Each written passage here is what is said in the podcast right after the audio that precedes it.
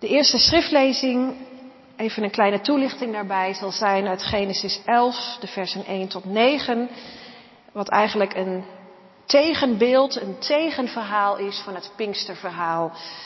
Um, waar de taal uiteenvalt bij de torenbouw van Babel. Mensen elkaar misverstaan, een en al miscommunicatie.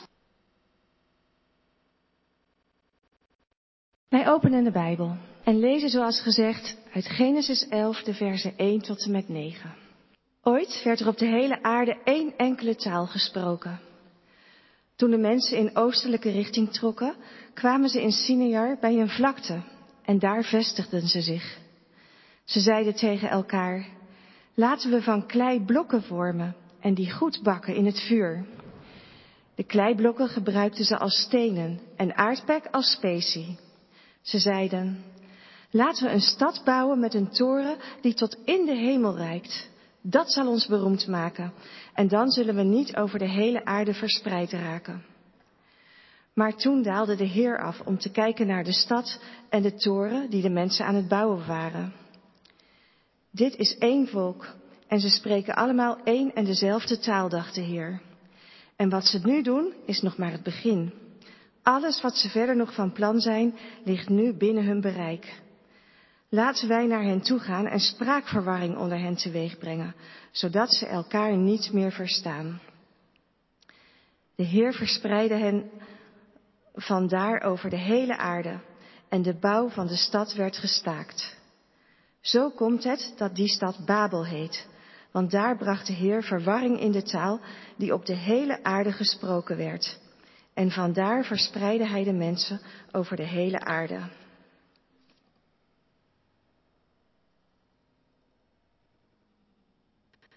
De tweede schriftlezing is uit Handelingen 2, de versen 1 tot en met 13. Toen de dag van het Pinksterfeest aanbrak, waren ze allen bij elkaar. Plotseling klonk er uit de hemel een geluid als van een hevige windvlaag, dat het huis waar ze zich bevonden geheel vulde. Er verschenen aan hen een soort vlammen, die zich als vuurtongen verspreidden en zich op ieder van hen neerzetten. En allen werden vervuld van de Heilige Geest en begonnen op luide toon te spreken in vreemde talen zoals hun door de geest werd ingegeven. In Jeruzalem woonden destijds vrome Joden die afkomstig waren uit ieder volk op aarde. Toen het geluid weer klonk, dromden ze samen en ze raakten geheel in verwarring omdat ieder der apostelen en de andere leerlingen in zijn eigen taal hoorden spreken.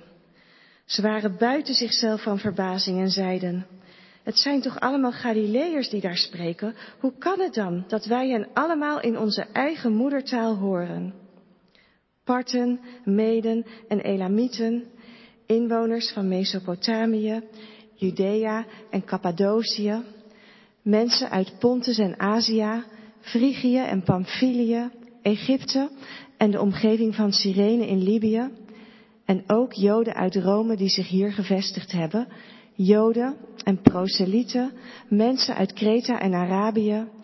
Wij allen horen hen in onze eigen taal spreken over Gods grote daden.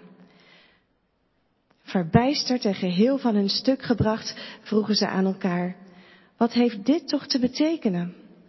Maar sommigen zeiden spottend, ze zullen wel dronken zijn.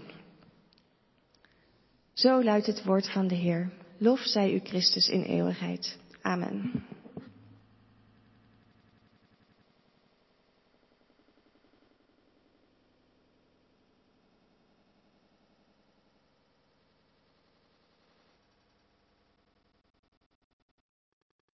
Gemeente van Jezus Christus, broeders en zusters.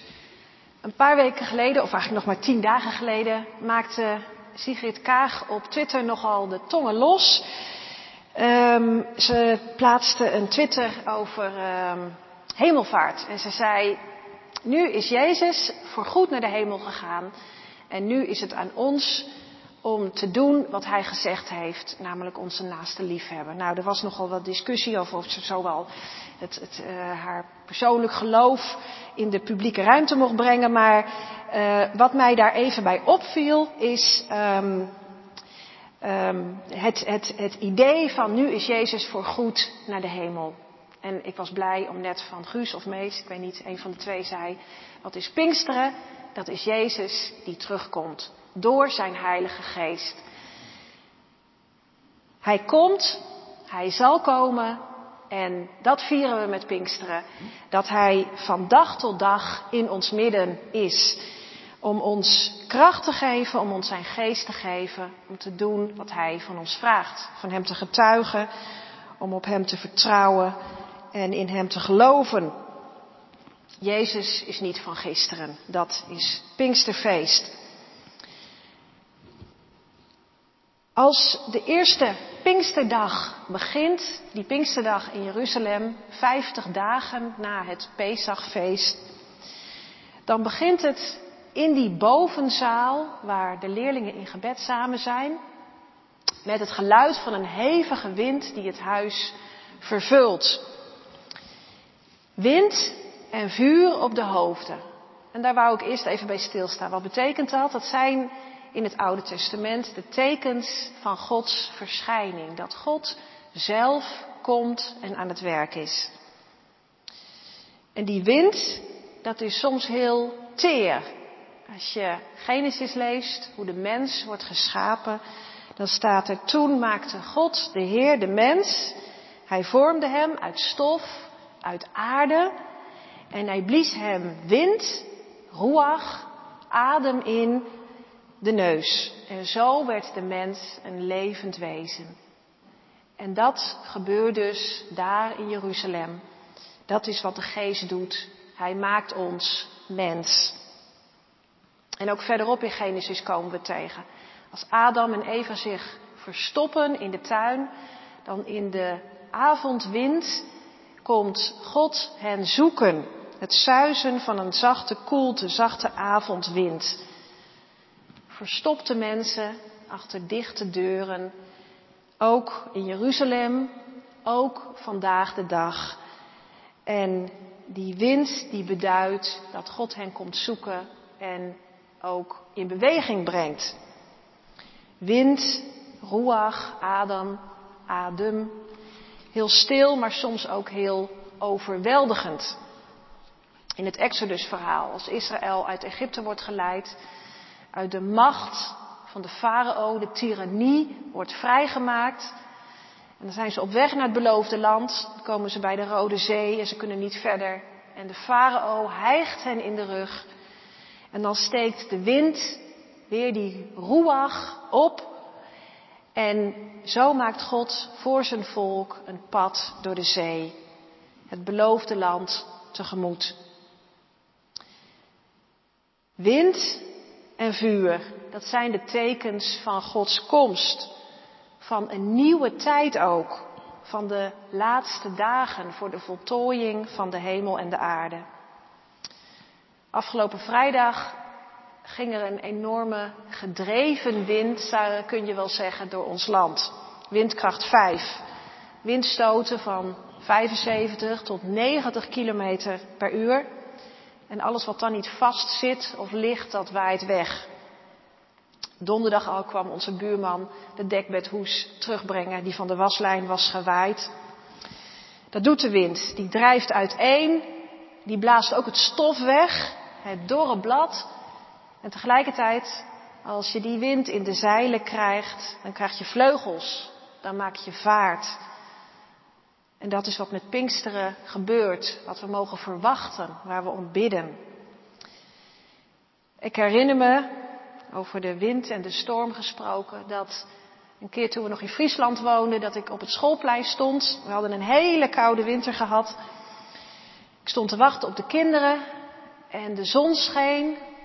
En er stond een oma naast me, een wachtende oma. En ik verzuchtte tegen haar, oh wat heerlijk, je voelt de zomer al. En naast mij stond, stond Anneke, tegen wie ik dat zei. En die had haar hele leven op een boerderij buiten de dijken doorgebracht in de polder. Ze wist dus ook heel veel van het weer. En lachend ontnuchterde ze mij en ze zei: Wel nee, eerst moeten er nog een paar flinke stormen komen. En dan wordt het pas warm. Eerst moet het stormen, voordat het zomer wordt. Eerst komt de storm van de geest, voordat de zomer van Gods koninkrijk aanbreekt. En daar is hij mee begonnen in deze wereld. Houden we daar eigenlijk rekening mee? Met dat niet alleen het lieflijke, maar ook het stormachtige van de Heilige Geest als we bidden om zijn komst. Dat er dan ook onverwachte en ongereguleerde dingen kunnen gaan gebeuren. Als de leerlingen en Maria en de vrouwen en de broers van Jezus daar in die bovenkamer zijn. En dan beginnen ze in andere tongen te spreken. Nieuwe talen. Dan zeggen sommige mensen die het horen, ze lijken wel dronken. En daar heeft het ook wel iets van weg. Wij zijn dronken in de geest, zal Paulus laten zeggen. Je wordt uitgetild boven het gewone bestaan, in die andere werkelijkheid gezet van God. In geloof wordt je geest zo verruimd dat anderen zeggen, ook vandaag, ze lijken wel gek. Wind, onverwacht, ongereguleerd en vuur. Wat betekent dat vuur? Nou, op het Joodse wekenfeest, het Pinksterfeest, gaat het over het verbond dat gesloten wordt met Israël op de berg Sinaï. En ieder Joods kind weet, als het wekenfeest gevierd wordt, dan wordt er teruggedacht aan hoe God, als het ware, een huwelijksverbond sluit met zijn volk. En hoe hij dan verschijnt op de berg Sinaï in rook en vuur. Daarboven op de berg, het volk is beneden, Mozes is boven als middelaar. En bovenop de vuur is een ontzagwekkend schouwspel van vuur en rook. En via Mozes spreekt God dan zijn woord, want zij kunnen niet bij hem komen. Stormachtig en heilig en bevrijdend. Ik ben de Heer jullie God. En dat komen we ook elders nog tegen.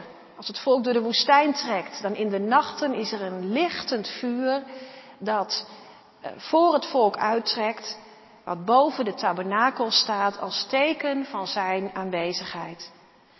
En dat heilige vuur van God, waar niemand in kan doordringen, dat daalt nu op die Pinksterdag nog dieper af. Hoofd voor hoofd zet het zich op de hoofden van de leerlingen. Hart voor hart wordt in lichterlaaien gezet. Dat vieren we vandaag en dat bidden we ook. Kom, Heilige Geest, daal in de mensenharten neer. En dat is toch ongelooflijk als je dat tot je door laat dringen. Hij in ons in al zijn heiligheid en vergeving en troost en goedheid. En toch vallen we niet samen. Blijft Hij helemaal zichzelf. En wij, wij worden helemaal onszelf. En toch ook echt helemaal nieuw als de geest ons vervult. Vuur op de hoofden en in de harten. God komt opnieuw tot zijn volk. Zoals hij op de Sinaï kwam, komt hij nu in Jeruzalem. En van daaruit zal het, vanuit het Joodse volk, de hele wereld overgaan. Maar het begint in Israël. En God spreekt opnieuw zijn woord. En wat is dat woord dan? Nou, die hele Pinksterpreek van Petrus is er vol van. Jezus Christus, gestorven en opgestaan. En dat horen ze dus allemaal in hun eigen taal. En 3000 mensen laten zich dopen. Ze horen Jezus Christus in hun moedertaal, in hun dialect staat er. En dat is Pinksteren. Je hoeft geen andere taal te leren, maar God spreekt Jezus Christus, zijn geliefde kind, tot jou in je eigen taal. De taal van je moeder, de taal van je hart. Het is een beetje zoals wanneer je in het buitenland bent, omringd door een andere taal die je niet verstaat. En dat je dan opeens op een drukke markt of ergens in een, in een volle kerk ergens wat Nederlandse klanken opvangt. Je eigen taal. En hoe je hart dan even een sprongetje maakt. Want je kunt elkaar verstaan. Er is communicatie. Je voelt je thuis. En zo spreekt God tot ons in onze eigen taal. En hoe belangrijk dat is, dat hoorden we even van Foka. Hoe mensen in het Bulgaars en in het Turks um, ook over Jezus horen. Als tegenbeeld van Pinksteren lazen we het verhaal van Babel. En daar wil ik nu nog even bij stilstaan. Dat wil dus eigenlijk zeggen, zo moet het dus niet. Waar gaat het verhaal over? Nou, kort en goed. In de vlakte van Sinai, dat is het latere Babel, daar komen nomaden en die zeggen wij gaan hier een stad bouwen. Met tichelsteen, gebakken steen, dus niet met natuursteen. Is dus ook een soort wetenschappelijke revolutie. Ze gaan zelf stenen bakken. En een stad, nou, als je even nadenkt, wie bouwde de eerste stad in de Bijbel dat was Kain. En waarom doet hij dat? Hij heeft zijn broer Abel gedood. En dan is hij op de vlucht. En dan bouwt hij een stad omdat hij bang is dat de mensen hem zullen doden. Hij verschuilt zich achter dikke muren. Zo'n stad bouwen ze. En dan ook nog met een hoge toren erin. Als herkenningsteken. Zodat je van verre al kan zien. Daar is onze stad. Beetje zoals wanneer je Den Haag binnenrijdt. En dan zie je van verre al die hoge torens bij de, eigenlijk, dat is de poort van Den Haag. Die hoge torens van Nieuw-Babylon oprijzen. Dat wil wat zeggen. En misschien is het ook wel een toren voor de goden geweest. Een tempeltoren met bovenop een altaar. Poging om de hemel te bereiken. En zeggen ze erbij, die stad en die toren, die zullen ons beroemd maken. We zullen een naam voor onszelf maken. Daar gaat het dus om.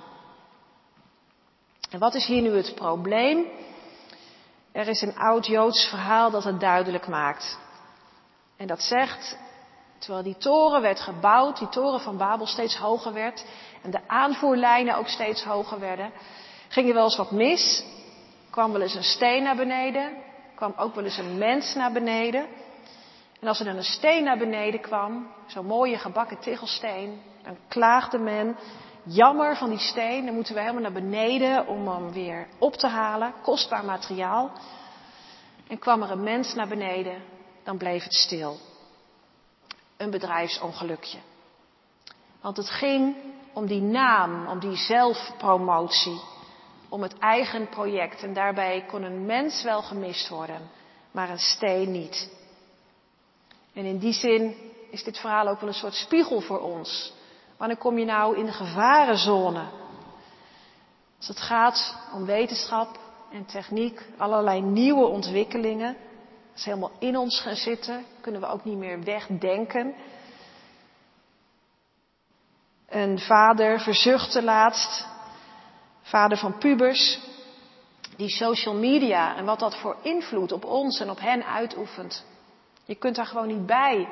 Het is sluipend. Het is moeilijk om er de vinger achter te krijgen. Hoe verandert ons dat van binnen? En is dat ook de invloed die we willen? Maar hoe komen we er ook vanaf? Als we dit verhaal lezen, dan kijken we als het ware in een spiegel bij alles, ook bij alle nieuwe ontwikkelingen. Gaat het nu om het bevestigen, het vestigen van jouw naam, jouw bekendheid, onze veiligheid? Offer je daar een mens of ook andere mensen voor op? Want dat staat loodrecht op Pinksteren. En tegelijkertijd voelen we ook, we kunnen dat niet stopzetten. Maar staat er dan, God kwam naar beneden en hij zet het stop. De Heere daalde af om te kijken naar de stad en de toren die de mensen aan het bouwen waren. Die mensen die menen dat ze de hemel kunnen bestormen met hun techniek met hun toren, met hun wetenschap. Maar, en dat is ook wel goddelijke humor, bijbelse humor. Voor God is het een torentje van niks. Hij ziet het niet eens vanuit de hemel. Hij moet afdalen om het te bekijken. Waar is dat torentje van jullie? De Heere daalde af en hij blokkeert het project. Dat is een zegen dat God afdaalt. Naar Babel, naar Jeruzalem. Naar ons. Jullie kunnen mij niet bereiken met je toren. Blijf maar waar je bent. Ik kom bij jullie. Hij komt. Als je de Bijbel met twee woorden moest samenvatten, heeft iemand eens gezegd. Dan zijn het die woorden. Hij komt. Hij komt en hij zet het project stop. Niet met geweld, maar door taal. De mensen begrijpen elkaar niet meer. Miscommunicatie. Geef me die hamer eens aan. En toen kreeg je een zaag. En dan raken de mensen verstrooid over de hele aarde. Niet meer bij elkaar op een kluitje, angstig, achter die hoge muur. Zelfbescherming, de rest zoekt het maar uit. Maar de mensen worden als zaad gezaaid. En daar wordt het beeld gebruikt van de zaaier die met wijde gebaren vroeger over de akker ging. Denk aan die zaaier van Vincent van Gogh. Je laten zaaien en vallen waar je maar neerkomt de oogst tegemoet om vrucht te dragen. Daar waar je bent, daar kom ik bij jullie, zegt de Heer, met mijn naam, met de naam van Jezus Christus, die heelt en zuivert, die jullie hele leven voor zijn rekening neemt, die jou zijn leven binnentrekt. En zo gaat het van Babel naar Jeruzalem. Van al die talen en misverstanden en miscommunicatie naar een nieuwe taal waarin mensen verbonden raken met God en met elkaar. Op het Pinksterfeest in Jeruzalem zeggen ze, we horen hen allemaal in onze eigen taal, in onze eigen moedertaal spreken over de grote daden van God. De Magnalia Dei met een mooi Latijns woord. Waar we bij onszelf beginnen, daar eindigen we in Babel. Dat is de uiterst kritische boodschap van de Bijbel. Van Pinksteren ook. Onze naam, ons verhaal. Nee, zegt Petrus, en hij moest er zelf ook van bevrijd worden. De naam van de Heer, de naam van Jezus Christus, die wordt in ons hart geschreven en die wordt ons als een nieuwe taal op de tong gelegd.